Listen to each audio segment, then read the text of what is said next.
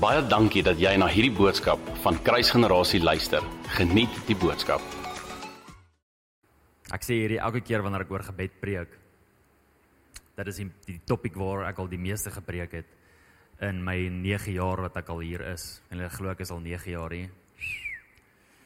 In my 9 jaar wat ek in hierdie huis is, het ek oor nog niks meer gepreek as gebed nie. Ek dink hierdie is my 10de of my 11de preek oor gebed. Die gevaar van dit is dat baie mense kan dink dis ons boodskap. Ge gebed is ons boodskap. En ek wil hê jy moet weet as jy kruisgenerasie jou huis noem, gebed is nie ons boodskap nie. Jesus is ons boodskap. Gebed is 'n metode wat ons hierdie boodskap van Jesus kan versterk in ons lewens. Um hy het juis gekom en 'n duur prys betaal vir elke een van ons dat ons in gebed kan wees en verhouding kan wees met hom. En ek sien hoe die duiwel mense se vrymoedigheid steel in gebed, hoe die duiwel en religion maak dat mense nie die vrymoedigheid het om saam te kom bid korp, korporatief in 'n korporatiewe setting nie of selfs eers by die huis tyd maak nie. Ek sien die heeltyd diskwalifikasie. En baie van julle voel dalk so, die oomblik wanneer wanneer ons praat oor gebed, um die idee vandag is nie, nie dat jy dat jy kondem moet voel nie. Daar daar moet conviction in jou hart wees. Daar moenie offense in jou hart wees nie. Ons ons Christene lewe in conviction nie in offense nie. Um maar baie van julle voel dalk gekondem want die oomblik wanneer ons praat oor gebed, dan dink jy dadelik aan hoe jou gebedslewe lyk en as jy dink aan hierdie week wat verby is, dan dink jy, "Ag, ek het te min gebid." Ek het te min gebid en ek moet meer bid en ek weet nie hoe nie en dis moeilik en my program so en my program so en al die goedjies en hoopelik gaan hierdie boodskap wat ek vandag vir jou bring jou so klein bietjie windigheid en uh jou help om net bietjie in vryheid te lewe terwyl ek wil hê jy moet weet hierdie boodskap gaan jou challenge. OK. Um en hierdie boodskap kan moontlik as jy in die vlees gaan wees, kan dit jou moontlik offend. Dis hoekom ek sê Christene wat in die gees is word nie geoffend nie, hulle word convicted. So mag Heilige Gees regtig in jou hart kom werk vandag. In die vroeë 1940s, net na die Tweede Wêreldoorlog, was daar 'n teoloog gewees met die naam van Dr. Orr, O R R. En hy het 'n teologiese klas aangebied saam met studente en dit goed gevoel terwyl hy besig is met die topik van herlewing om al sy studente Engeland toe te vat om te gaan stop by klomp herlewingspunte. En terwyl hulle daar is, gaan besoek hulle amazing plekke waar die gees van die Here uitgestort is. Hulle is byvoorbeeld in Wallis gewees waar die groot Welsh revival uitgebreek het. Hulle was in Engeland gewees, hulle was in Ierland gewees, hulle was in Duitsland gewees waar die Moravians gebid het. Weet julle dat die Moravians en hierdie is 'n ware storie vir 100 jaar 24/7 ononderbroke gebid het. Ononderbroke 24/7 vir 100 jaar. Die Moravians se geloof was so groot geweest, dis gedokumenteer, jy kan dit gaan opkyk, dat dis die enigste mense waarvan hulle weet wat gebid het vir 'n berg toe die, wat die berg versit was, die berg het geskuif. OK? So gebed het nogal iets gedoen in in hulle lewens. Maar terwyl Dr. Oor daar is saam met al sy studente, kom hulle op 'n stadium by 'n museum uit van die ehm um, Methodiste kerk. Uh die van julle wat weet, die Methodiste kerk was begin gewees deur John en Charles Wesley. John Wesley was die prediker gewees en Charles Wesley was die worship leader gewees en baie van die songs wat Charles Wesley ges geskryf het, sing ons nog steeds. En John Wesley het reg oor Engeland het hy bedien en die herlewing het so uitgebreek dat hy sonder 'n mikrofoon buite, nie binne in 'n kerk nie, buite sonder 'n mikrofoon vir skare tussen 20 en 40 000 mense gepreek het. En op 'n stadium het die Here hom Amerika toe gestuur en toe hy in Amerika kom, toe breek herlewing in in Amerika uit en die Here het daar die Great Awakening in in Amerika gedoen. En terwyl hulle in hierdie museum is van hierdie Methodiste kerk, sien hulle dat hulle kom toe agter maar hierdie is eintlik John Wesley se huis.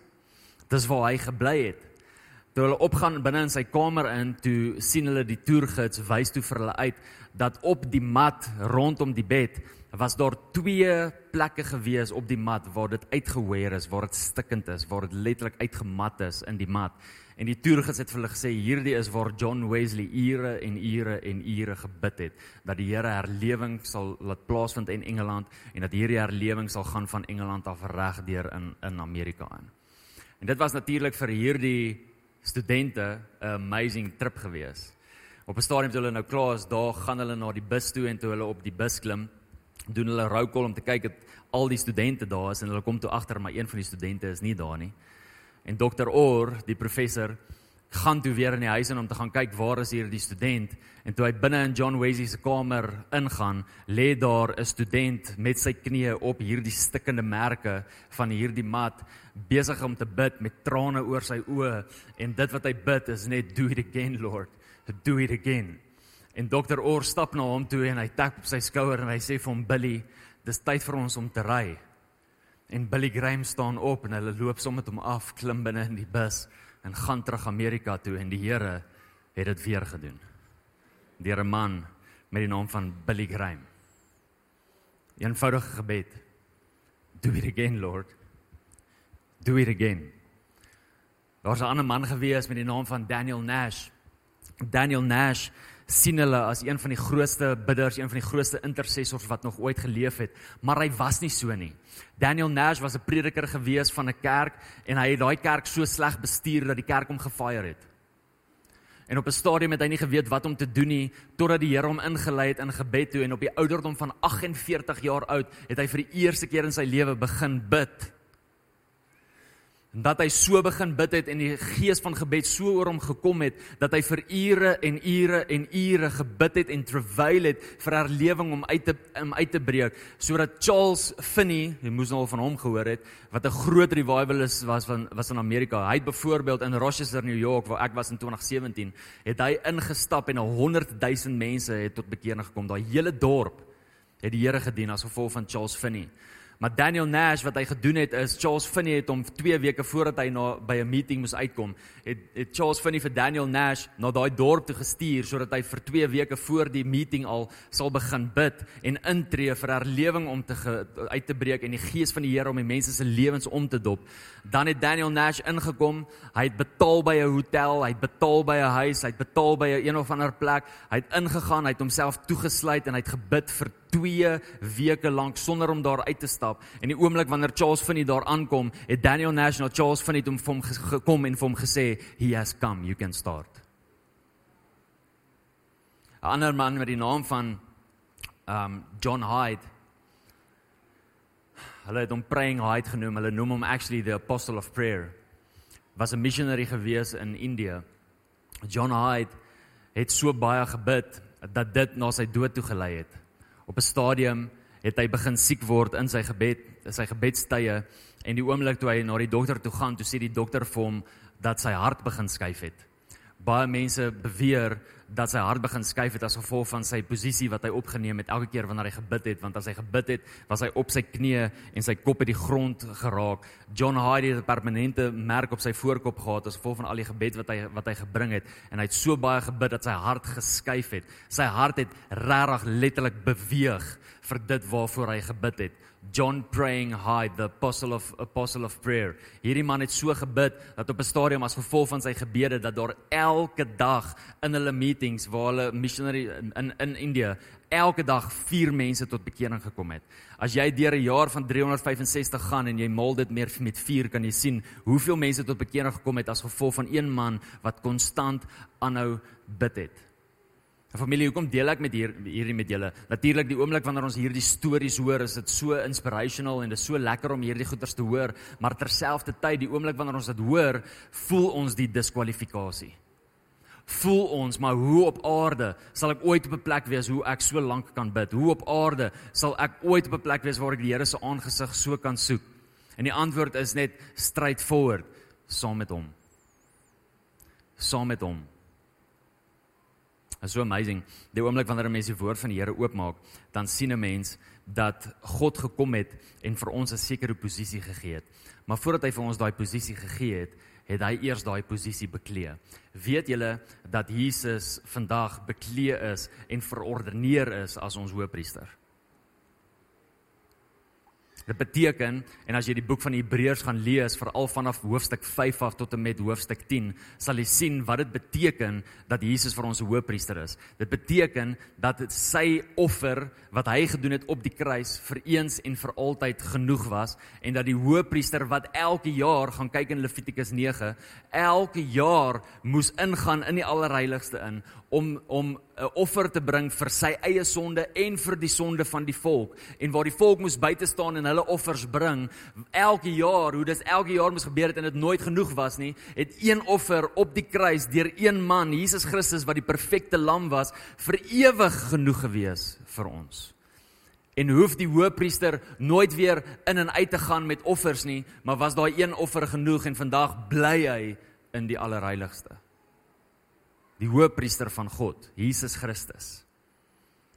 Is so mooi dat Jesus um die manier hoe hy ingehuldig is as, as hoëpriester is presies die manier hoe hoëpriesters ingehuldig was terwyl hulle hier op aarde was. Ons gaan actually môre, ons begin môre met ons Bybelstudie môreoggend um van 8uur elke maandagooggend 8uur het ons Bybelstudie. En môreoggend se punt oor Bybelstudie wat ek gaan lei gaan wees 'n studie op die hoëpriester um lekker posisie van Jesus Christus. Dis waarop ons 'n studie gaan doen. Um so ek wil nie te veel weggee vir die vir die Bybelstudie nie. Maar in Levitikus 8 sien ons dat die oomblik wanneer 'n hoëpriester ingehuldig is, daar drie goed was wat wat teenwoordig was. Die eerste ding wat teenwoordig was was water. Die tweede ding wat teenwoordig was was olie en die derde ding wat teen, teenwoordig was was bloed. Jesus is ingehuldig as hoëpriester terwyl hy nog op hierdie aarde gewandel is. Gewandel het. Um die die daai drie elemente sien ons nog terwyl hy op hierdie aarde gewandel het, maar toe hy in die hemel is, sorry ek het dit nou verkeerd gesê, maar toe hy in die hemel is, was hy was hy daar ingehuldig, maar die drie faktore was hierso afgehandel. Die oomblik toe Jesus gaan ge, gegaan het om gedoop te word, was daar water gewees want hy het met sy water sy liggaam in die water ingegaan was daar olie gewees van die Heilige Gees het op hom kom rus soos 'n duif.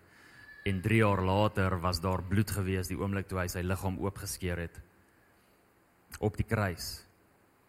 In 1 Johannes 5 vers 7 en vers 8 kom sê vir ons dat daar drie goeters is wat getuig in die hemel: die water, die olie en die bloed. En hierdie goed getuig van een ding, dat Jesus ons hoëpriester is. Die brief van Hebreërs sê dit so mooi dat ons vrylik in die teenwoordigheid van God kan ingaan deur die veil, deur die voorhangsel van Jesus se vlees. As gevolg van Jesus se vlees wat geskeur is, gaan ons daardeur. Hoekom sê ek al hierdie goeters vir jou? Want net soos wat daar elke jaar 'n hoëpriester of of gereelde hoëpriester aangestel was en hierdie hoëpriester elke jaar moes ingaan in die teenwoordigheid in, het God gekom het God vir Jesus hoëpriester gemaak en het Jesus gekom en elke een van ons priesters gemaak. Kom ek lees vir jou. As jy saam met my sal blaai na 1 Petrus 2 vers 9.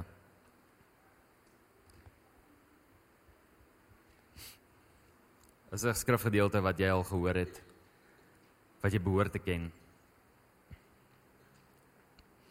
1 Petrus 2 vers 9. Ek lees in die New King James vertaling. Hy sê, "But you are a chosen generation, a royal priesthood, a holy nation, his own special people, that you may proclaim the praises of him who called you out of darkness into his marvelous light." Blaai ook asseblief saam met my na Openbaring 1 toe.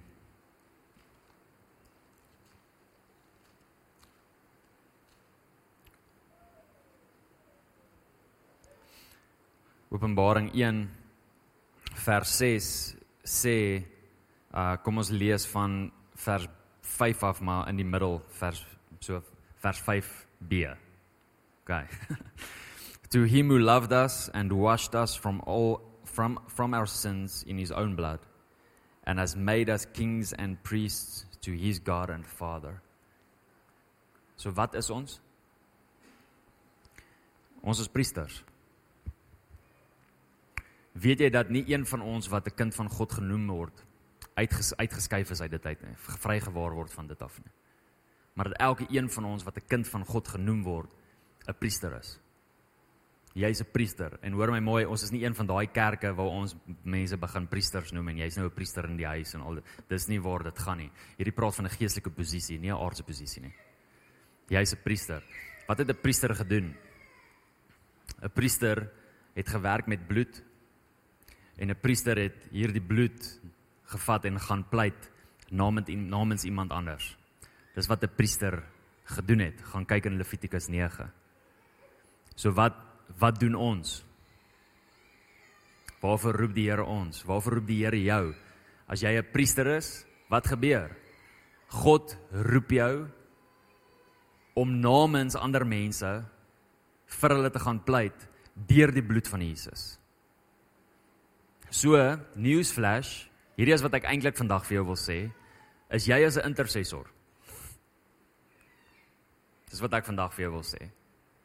Weet jy dat die die woord van die Here, nê, nee, nêrens verwys na enige persoon, enige een, dink aan Moses, dink aan Dawid, dink aan Gideon, dink aan Deborah, dink aan Esther, dink aan da, dink aan enigiemand in die Bybel. Nêrens word hulle verwys na as intercessors nie. Maar die woord van die Here verwys na Jesus as intercessor en die woord van die Here verwys na Heilige Gees as intercessor.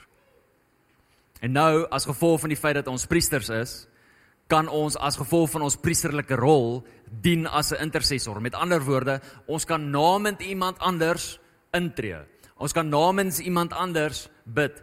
Ons kan namens iemand anders na die Here toe kom en met die Here praat oor daardie persoon namens iemand anders. Dis wat intersessie is.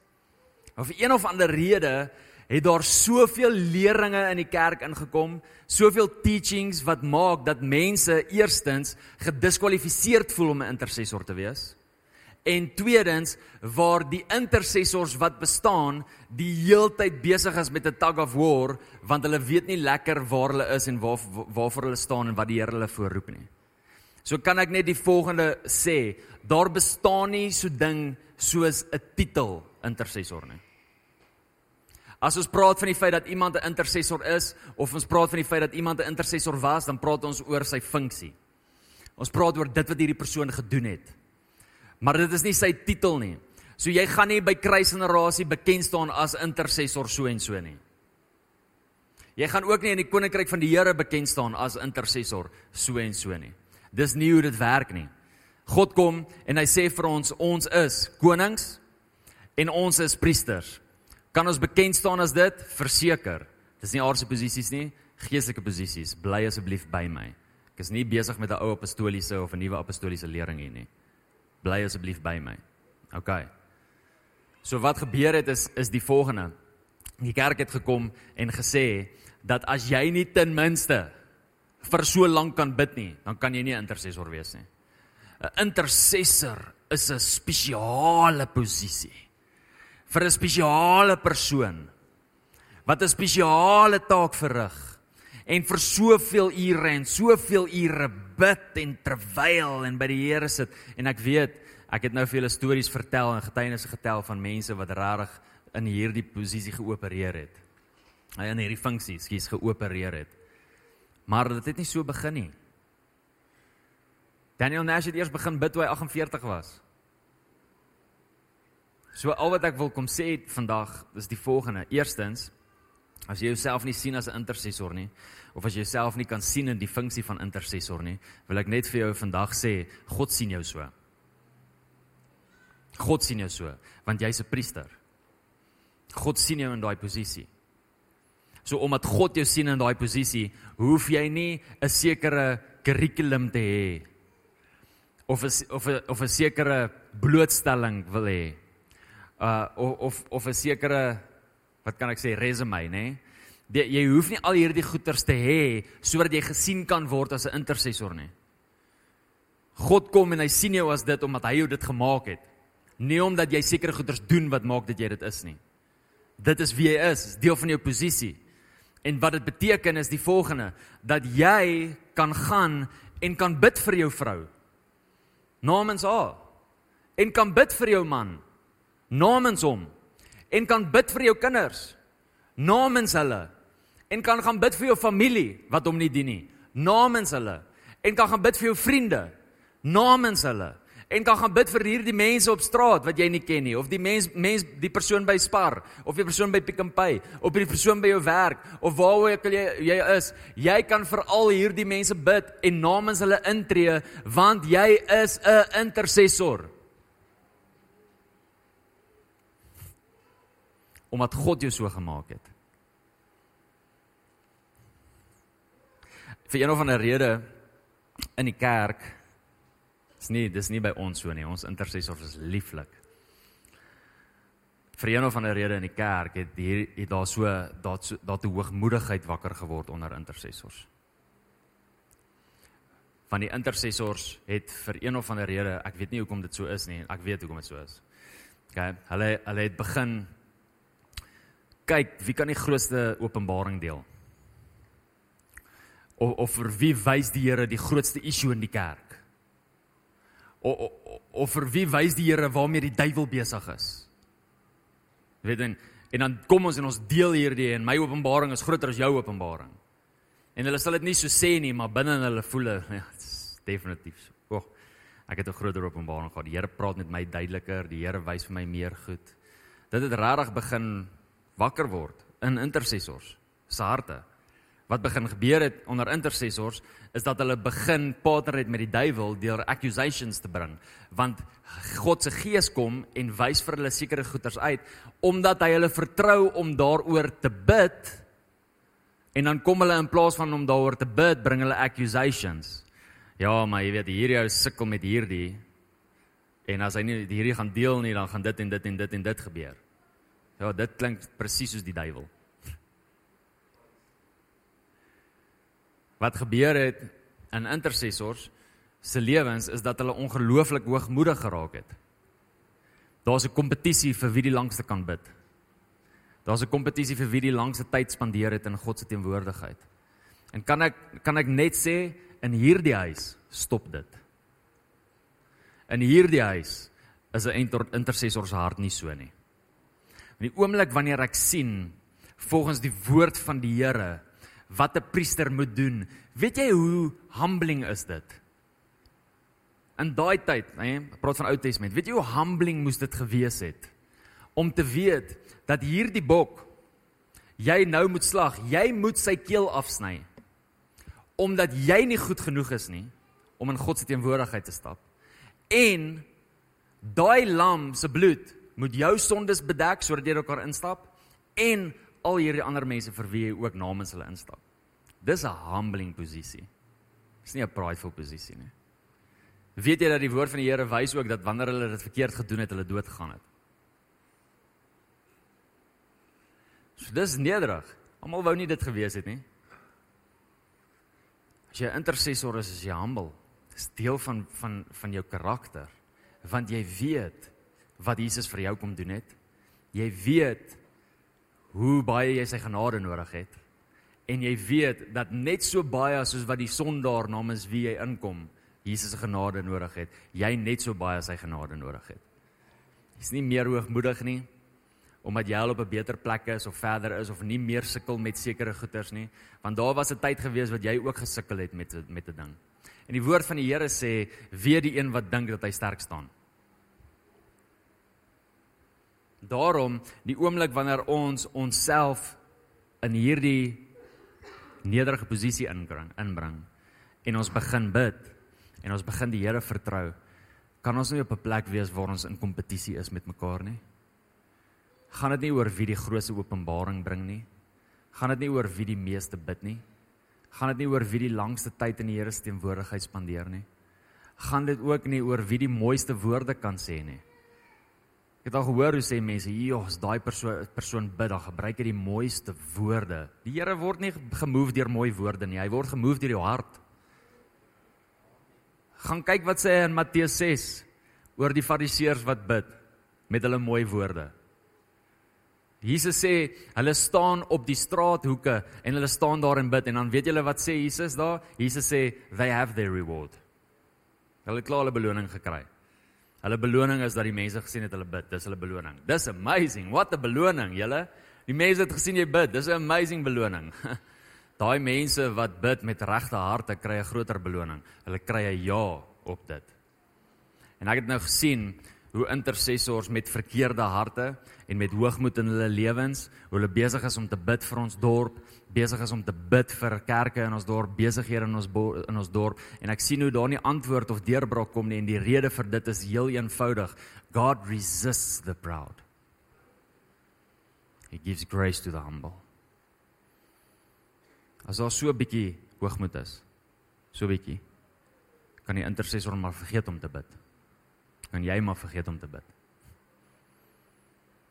So, wat probeer ek vir jou sê vanoggend? Wat ek vir jou probeer sê vanoggend is die volgende. Jesus het almal van ons wat vandag hier is. Nie een van ons is uitgesluit nie. Jesus het almal van ons geroep na hierdie priesterlike posisie om namens ander mense te kan intree.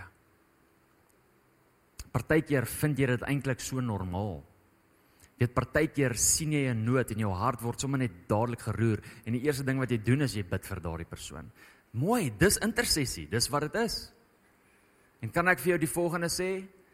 Of jy nou vir 'n uur bid en of jy vir 'n minuut bid. Jou tydperk van jou gebed maak nie jou gebed kragtig nie. Hoor wat ek vir jou sê.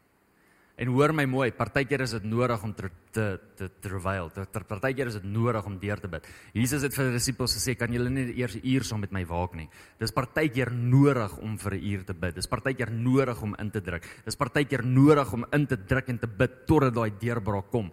Totdat jy soos Daniel Nash kan uit uitstap na Charles Finney toe en vir hom sê, "He has come, you can start." Tot dan toe is dit partykeer nodig, maar partykeer is daar 'n gebed wat ek bid terwyl ek in my kar is of terwyl ek in 'n ry staan by Spar of terwyl ek waar ook al is en daai gebed klink net dood eenvoudig. Here, wees om met hierdie persoon, versterk hierdie persoon. Ek bid dit regtig in U naam en ek het nou net ingetree vir daardie persoon. Of een of ander rede voel jy gediskwalifiseer vir een of ander rede voel jy nie goed genoeg nie. Weet julle wat is een van die grootste goed wat die vyand bring teen die kerk vandag? Die feit dat Christene bang is om te bid. Is dit is dit vir jou moeilik om asem te haal? Hoekom is dit vir jou moeilik om te bid? Want asemhaling en gebed is van ons stel om presies dieselfde te wees.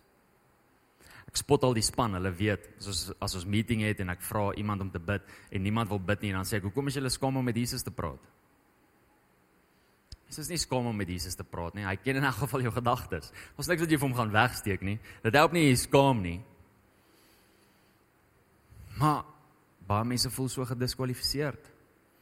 Ek voel nie goed genoeg om te bid nie. Ek voel nie ek het die reg om met hom te praat nie. Luister, nie een van ons het die reg om met hom te praat as gevolg van ons dade nie. Nie een van ons het die reg om met hom te praat omdat ek vandag 5 uur wakker geword het om by hom te gaan staan. Nou het ek die reg om met hom te praat nie. Ek het nie die reg om met hom te praat omdat ek 5 hoofstukke in die Bybel gelees het nie. Ek het nie die reg om met hom te praat omdat ek seker gemaak het ek hierdie week nie gevloek het nie. Daai goed maak nie dat ek die reg het om om te, met hom te praat nie. Hoekom ek die reg het om met hom te praat is as gevolg van wat hy op die kruis gedoen het. Dit wat hy op die kruis gedoen het, gee vir my die reg om met hom te praat. Maak nie saak waar ek is in my lewe nie. Jy kan dalk voel jy het niks geloof nie. Dis oukei, okay, hy het. Jy kan dalk voel jy glo nie op daardie stadium nie. Dis oukei, okay, hy glo. Jy hoef niks te bring nie. Net jouself. Wees by hom. En hou op om jouself te diskwalifiseer. Jy's goed genoeg om by hom te wees. Kan ek gou 'n skrifgie met jou deel? Jakobus 5. Sorry Karen, hierdie was nie deel van my preek nie, maar is nou. Hier Jakobus is na Hebreërs. In Engels is dit James. Jakobus 5 vers 16. O, julle ken hierdie so goed. Julle behoort. OK. Confess your trespasses to one another and pray for one another. Kan ek net gou daar stop? Terug op dit wat die vyand die, teen die kerk bring die hele tyd. Weet julle wat is hartseer? Die hartseerste ding in die kerk is dat mense bang is om vir mekaar te bid. Dit is so hartseer Want dit moenie so wees nie. Dit moet vir jou so normaal wees om vir iemand te gaan bid. Dit moet vir jou so normaal wees om na iemand toe te stap en saam met daardie persoon met Jesus te praat. Dit moet vir jou so normaal wees. Dis nie veronderstel om jou te laat uitstres nie. Dis nie veronderstel om jou te stretch nie. Dis nie veronderstel om vir jou moeilik te wees nie. Dis jou posisie. Dis wie jy is. Dis veronderstel om maklik te kom. Soos hy hier sê dat ons vir mekaar moet bid. Julle, dis veronderstel om normaal te wees vir ons om mekaar te bid. As ek nou lekker atmosfeer skep. Ons kry die piano en ons begin 'n lekker atmosfeer skep. Ek gaan ons sing dalk 'n liedjie, jy weet en jy begin bewus voel as gevolg van al hierdie goedjies. Het jy al gesien mense in die kerk worship vir twee redes. Hulle worship of omdat hulle bewus is van die Here of hulle worship omdat hulle bewus is van 'n kamera.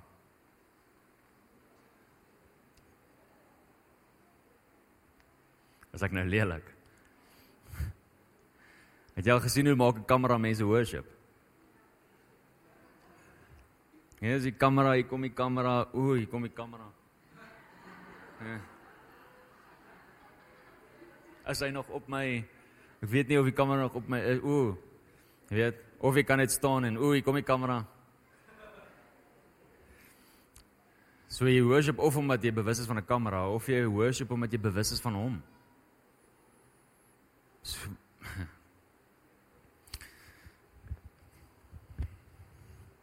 Hoor wat sê hy, the effective fervent prayer of a righteous man avails much. My Jan, ek voel nie dat my gebede iets doen nie. Ek voel ek bid teen 'n dak vas, ek voel ek bid teen dowe ore, ek ek voel dat ek nie antwoord kry op my gebede nie. Ek ek voel my gebede werk nie weet weet jy eerstens dat dit alles 'n leen is van die van die vyand af? Want die Here hoor elke gebed. Hy kies of hy gaan luister daarna of nie gaan luister nie maar hy hoor dit. Hy hoor dit. Elke gebed. Daar's nie een gebed wat teen 'n dak vasgaan nie. Nie een nie. Daar's nie een gebed wat op dowe ore val nie. Hy hoor alles. En dan lees ons hier die skrifvers en ons dink ja maar jy sien Daar gaan deurbraak wees die oomblik the effective fervent prayer of a righteous man avails much. Ek weet nie of ek regverdig is nie. Ah.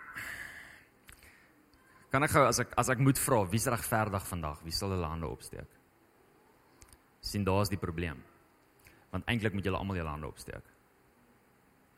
En dit maak dat ons iets verkeerd preek hier by die kerk of dit maak dat jy alleen glo van die vyand af. Want wat maak 'n mens regverdig?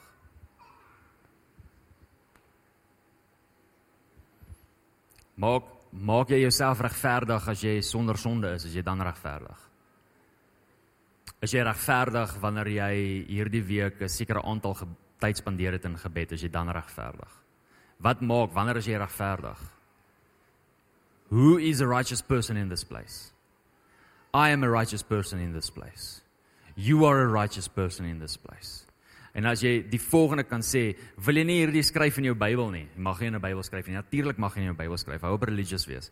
Skryf in jou skryf in jou Bybel, skryf dit in jou dagboek. Skryf dit waar ook al jy dit dit wil skryf. Skryf hierdie neer. Ek is die regverdigheid van God as gevolg van die bloed van die lam. Nie as gevolg van my dade nie nie as gevolg van my aksies nie, nie as gevolg van my denkwyse nie, nie as gevolg van my leefstyl nie, nie as gevolg van die ure wat ek spandeer nie, nie as gevolg van my openbaring nie. Ek is die regverdigheid van God as gevolg van die bloed van die lam. So met ander woorde, as jy jouself 'n kind van God noem, as jy 'n wedergebore, gerepente kind van die Here is, is jy regverdig. Wie het jou regverdig gemaak? Jy. ah, uh, die Here sal vir jou lag as jy dink jy. jy kan jouself weer regverdig maak nie.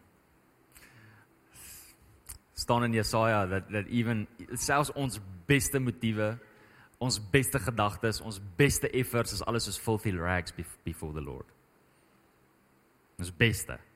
Selfs ons beste is nie eens goed genoeg vir hom nie totdat hy op ons kom rus, totdat hy oor ons kom blaas totdat hy in ons kom bly. En dan is alles vir hom so mooi en alles vir hom is vir hom so goed. So wie's die regverdige? Hy wat gewas is deur die bloed van die lam. Hy is die regverdige. So kan ek gou net weer 'n vraag vra. Wie's regverdig in hierdie plek? Prys die Here. Kan jy dit asseblief glo?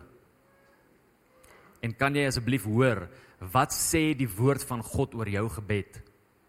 Die woord van die Here sê oor jou gebed that it avails much. Dat dit baie krag dra oor jou gebed. Die gebed van die regverdige dra baie krag. Kind van die Here, jou gebed dra krag. Hou op laat die duiwel vir jou jok. Hou op dink daar gebeur niks as jy bid nie. Hou op dink daar skuif niks as jy bid nie. Hou op dink die Here luister nie na jou nie. Jy is nie 'n vreemdeling in sy huis nie. Jy's sy kind. Jy's sy seun. Jy's sy dogter. Hou op in leuns lewe en lewe in wie jy gemaak is, geroep is om te wees. Hy het jou vrygemaak van al hierdie leuns. Hy het jou vrygemaak van jou verlede. Hy het jou 'n nuwe lewe gegee, 'n nuwe skepsel gemaak en nou as gevolg van die feit dat alles nuut is, kan jy na hom toe kom in vrymoedigheid boldly come to the throne of grace. Nie as gevolg van wat jy gedoen het nie. As gevolg van wie hy is. Praat met hom. Bid tot hom. Roep uit na hom toe. Tree in vir ander mense. Tree in vir jou dorp. Tree in vir ons land. Tree in vir Eskom. Tree in vir die wêreld. Tree in vir alles wat gebeur, vir alles wat jy sien. Die oomblik wanneer jy iets raak sien in die nuus en dit druk jou na worries toe, dan weet jy jy's in die vlees. As jy iets raak sien in die nuus en dit druk jou na gebed toe, dan weet jy jy's in die gees. Hou op vleeslik lewe. Lewe in die gees. Ons lewe nie volgens die vlees nie. Ons lewe nie volgens ons emosies nie. Jy's 'n kind van God. Jy het identiteit. Hy's lief vir jou. Hy wil jou gebruik. Hy wil hê jou gebeure moet goed skuif. Hy wil hê jou gebeure moet goed laat gebeur. Wat as mense nie tot bekering kom nie omdat jy nie bid nie? Wat as deurbraak nie kom nie omdat jy nie bid nie? Wat as herlewing nie gebeur nie omdat jy nie bid nie? Wat as jou kinders nie die Here dien nie omdat jy nie bid nie? Wat as jou man nie die Here dien nie omdat jy nie bid nie? Wat as jou vrou nie die Here dien nie omdat jy nie bid nie? Wat as jou finansies lyk of dit in die grond ingaan omdat jy nie bid nie? Wat van as jou huwelik grond of op die rotse is omdat jy nie bid nie? Hou op dat die duiwel 'n houvas het op jou lewe en begin bid.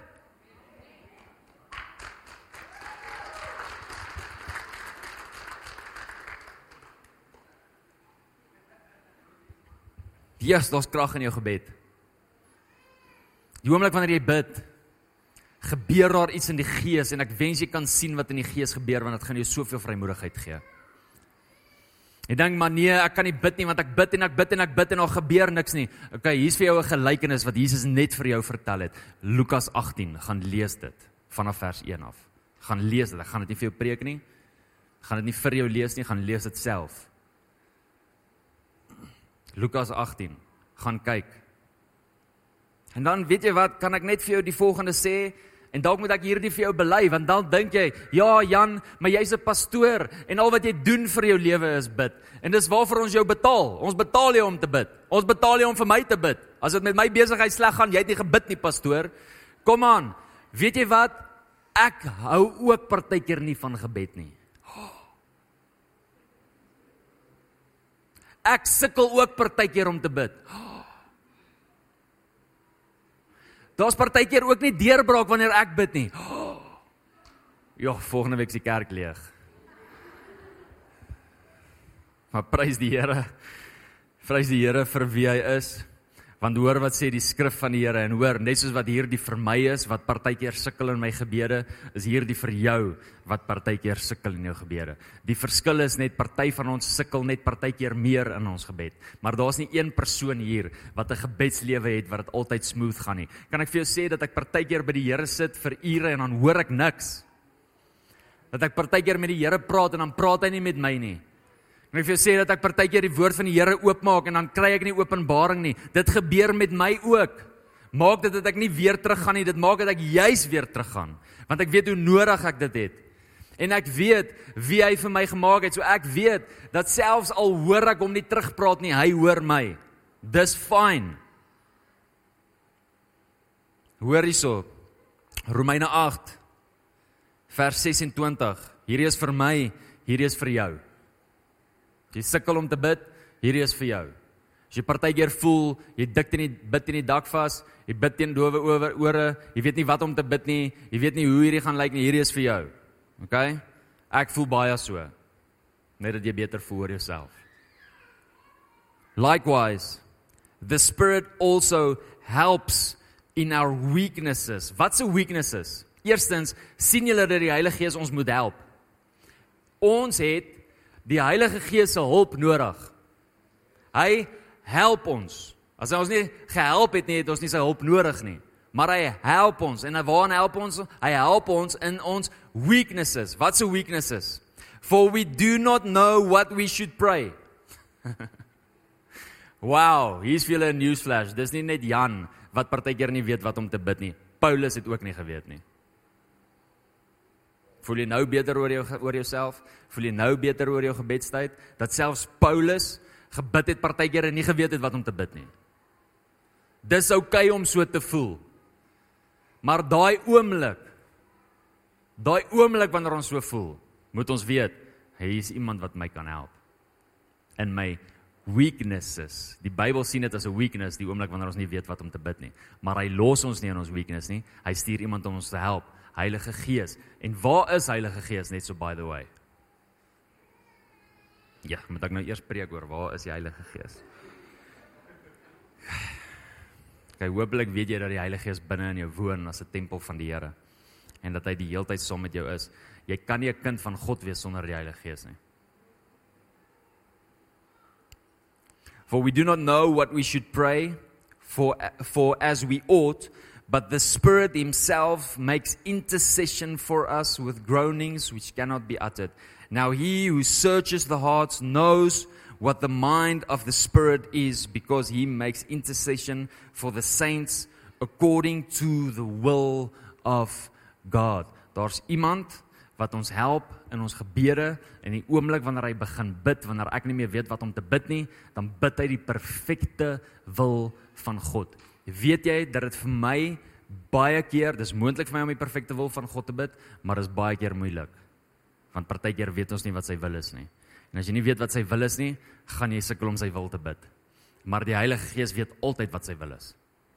He who searches the intents of the heart, die Heilige Gees weet altyd wat in die hart van Jesus is. Hy weet altyd wat in die hart van die Vader is en die oomblik wanneer ek toelaat dat hy my help, die oomblik wanneer ek nie weet wat om te bid nie en ek hom toelaat om namens my te bid, dan bid hy die perfekte wil van die Here. Prys die Here elke keer wanneer ek in my taal bid, ek bid die perfekte wil van God. Ek mis dit nie een keer nie. Maar as jy ek nie. Kan ek die volgende die volgende sê? Jesus, ek gaan nou begin lank gaan, so ek gaan land. So hierdie is dalk 'n opvolgpreek. Die duiwel en die religious kerk.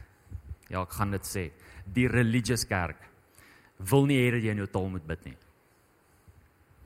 daar's pastore en dominees wat preke het oor hoekom taalespraak nie vandag is nie. En dalk moet ek vir julle 'n baie goeie apologetiese boodskap bring oor hoekom dit vir vandag is.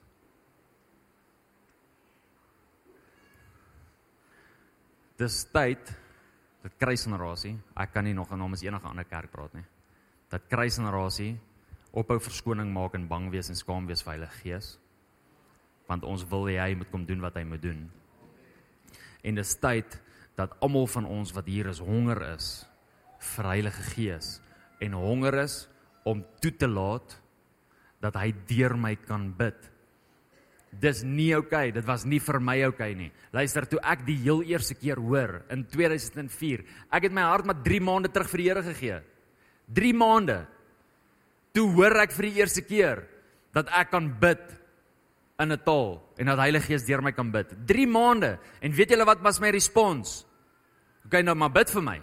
Dit was my respons. Want ek wil dit ook hê. Ek wil ook hê hy moet deur my bid. Ek wil ook hê hy moet my kan bekragtig. Ek wil ook hê hy moet my kan edify. Ek wil ook hê hy moet deur my bid die perfekte wil van die Here. Ek is nie skaam vir hierdie goed nie. Ek gee nie om wat ander mense glo en my ander mense sê en glo nie. Hier is hierdie as hierdie is wat die Bybel sê, bid vir my. Ek wil dit ook hê. Dit was my respons. Hoekom is ons vandag skaam om in tale te praat? Hierdie is 'n Pinksterkerk net so by the way. Ons is nie gereformeerd nie. Ons is nie Calvinistic nie, ons is ook nie Arminius nie. Ons wil net ook dit sê. Ons like it actually nie eers om in 'n boksie geplaas te word nie. Want hier soek ons die waarheid van die woord van die Here. Ons wil gelei word deur die waarheid van die woord van die Here. Ons wil gelei word deur die Heilige Gees en die oomblik wanneer ons by hierdie stil staan, dan maak dit nie vir my saak wat die opinie is van mense nie. Ek gee nie om watter dokter in teologie sê of wat enige ander pastoor sê nie. Wanneer hierdie woord iets sê, maak dit nie saak wat hy sê nie, want hierdie woord is groter en kragtiger as wat hy wat hy is. Hierdie woord gaan nog staan ver bo sy lering ooit sal staan. Hierdie woord sal die waarheid bly ver bo daai dokter in teologie se waarheid ook ooit sal bly. Hierdie woord tramp sy woord. Hierdie woord is belangriker as sy woord. Hierdie woord maak my vry. Hierdie woord is lewend en kragtig. Nie sy woord nie. Hierdie woord is 'n tweesnydende swaard. Nie daai dokter se woord nie. Ek gee nie om wat hulle sê nie. Die woord van die Here sê dat taal spraak vir die gelowige is. Dit beteken dat elke een van ons wat in hierdie plek is in 'n taal kan praat. En jy moet ophou skaam wees daarvoor. En jy moet ophou bang wees daarvoor en jy moet jou taal gebruik sodat jy op 'n plek kan wees waar jy die perfekte wil van God kan bid want ons het dit nodig. Wat is God se perfekte wil oor Eskom? Wat is God se perfekte wil oor ons regering? Wat is God se perfekte wil oor my huwelik? Wat is God se perfekte wil oor my lewe? Bid in jou taal en laat toe daai gebede uitkom.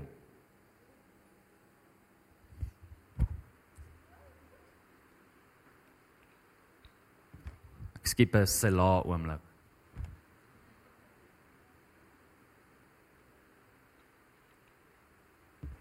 Woord sela beteken pause and think.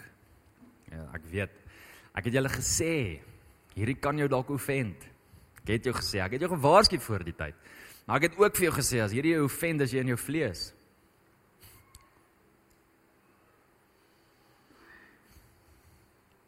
Ek sal nie verskoning maak vir dit wat God wil doen nie. Ek sal nie verskoning maak vir wat die waarheid is nie. Maak nie saak wat ander mense preek nie. Ek gee nie om nie. Ek gee nie om wat hulle sê nie. Ek gee nie om hoeveel mense my met klippe wil gooi nie. Die woord van die God sal uit my mond uitkom, die waarheid van die Here sal uit my mond uitkom en ek sal toelaat dat sy gees deur my praat. I don't care. I don't care if the people hate me. I don't care. Ek gee nie om nie. Sy woord, sy waarheid, dis wat vrymaak. Nie 'n teologiese openbaring nie, 'n openbaring van sy woord. Nie wat 'n pastoor sê nie, wat hy sê dis wat vrymaak, dis wat lei. Dit is wat ek wil hoor elke dag. Ek het dit nodig. Jy het dit nodig. Baie dankie dat jy na hierdie podcast geluister het. Indien jy die boodskap geniet het, deel hom asseblief met jou vriende.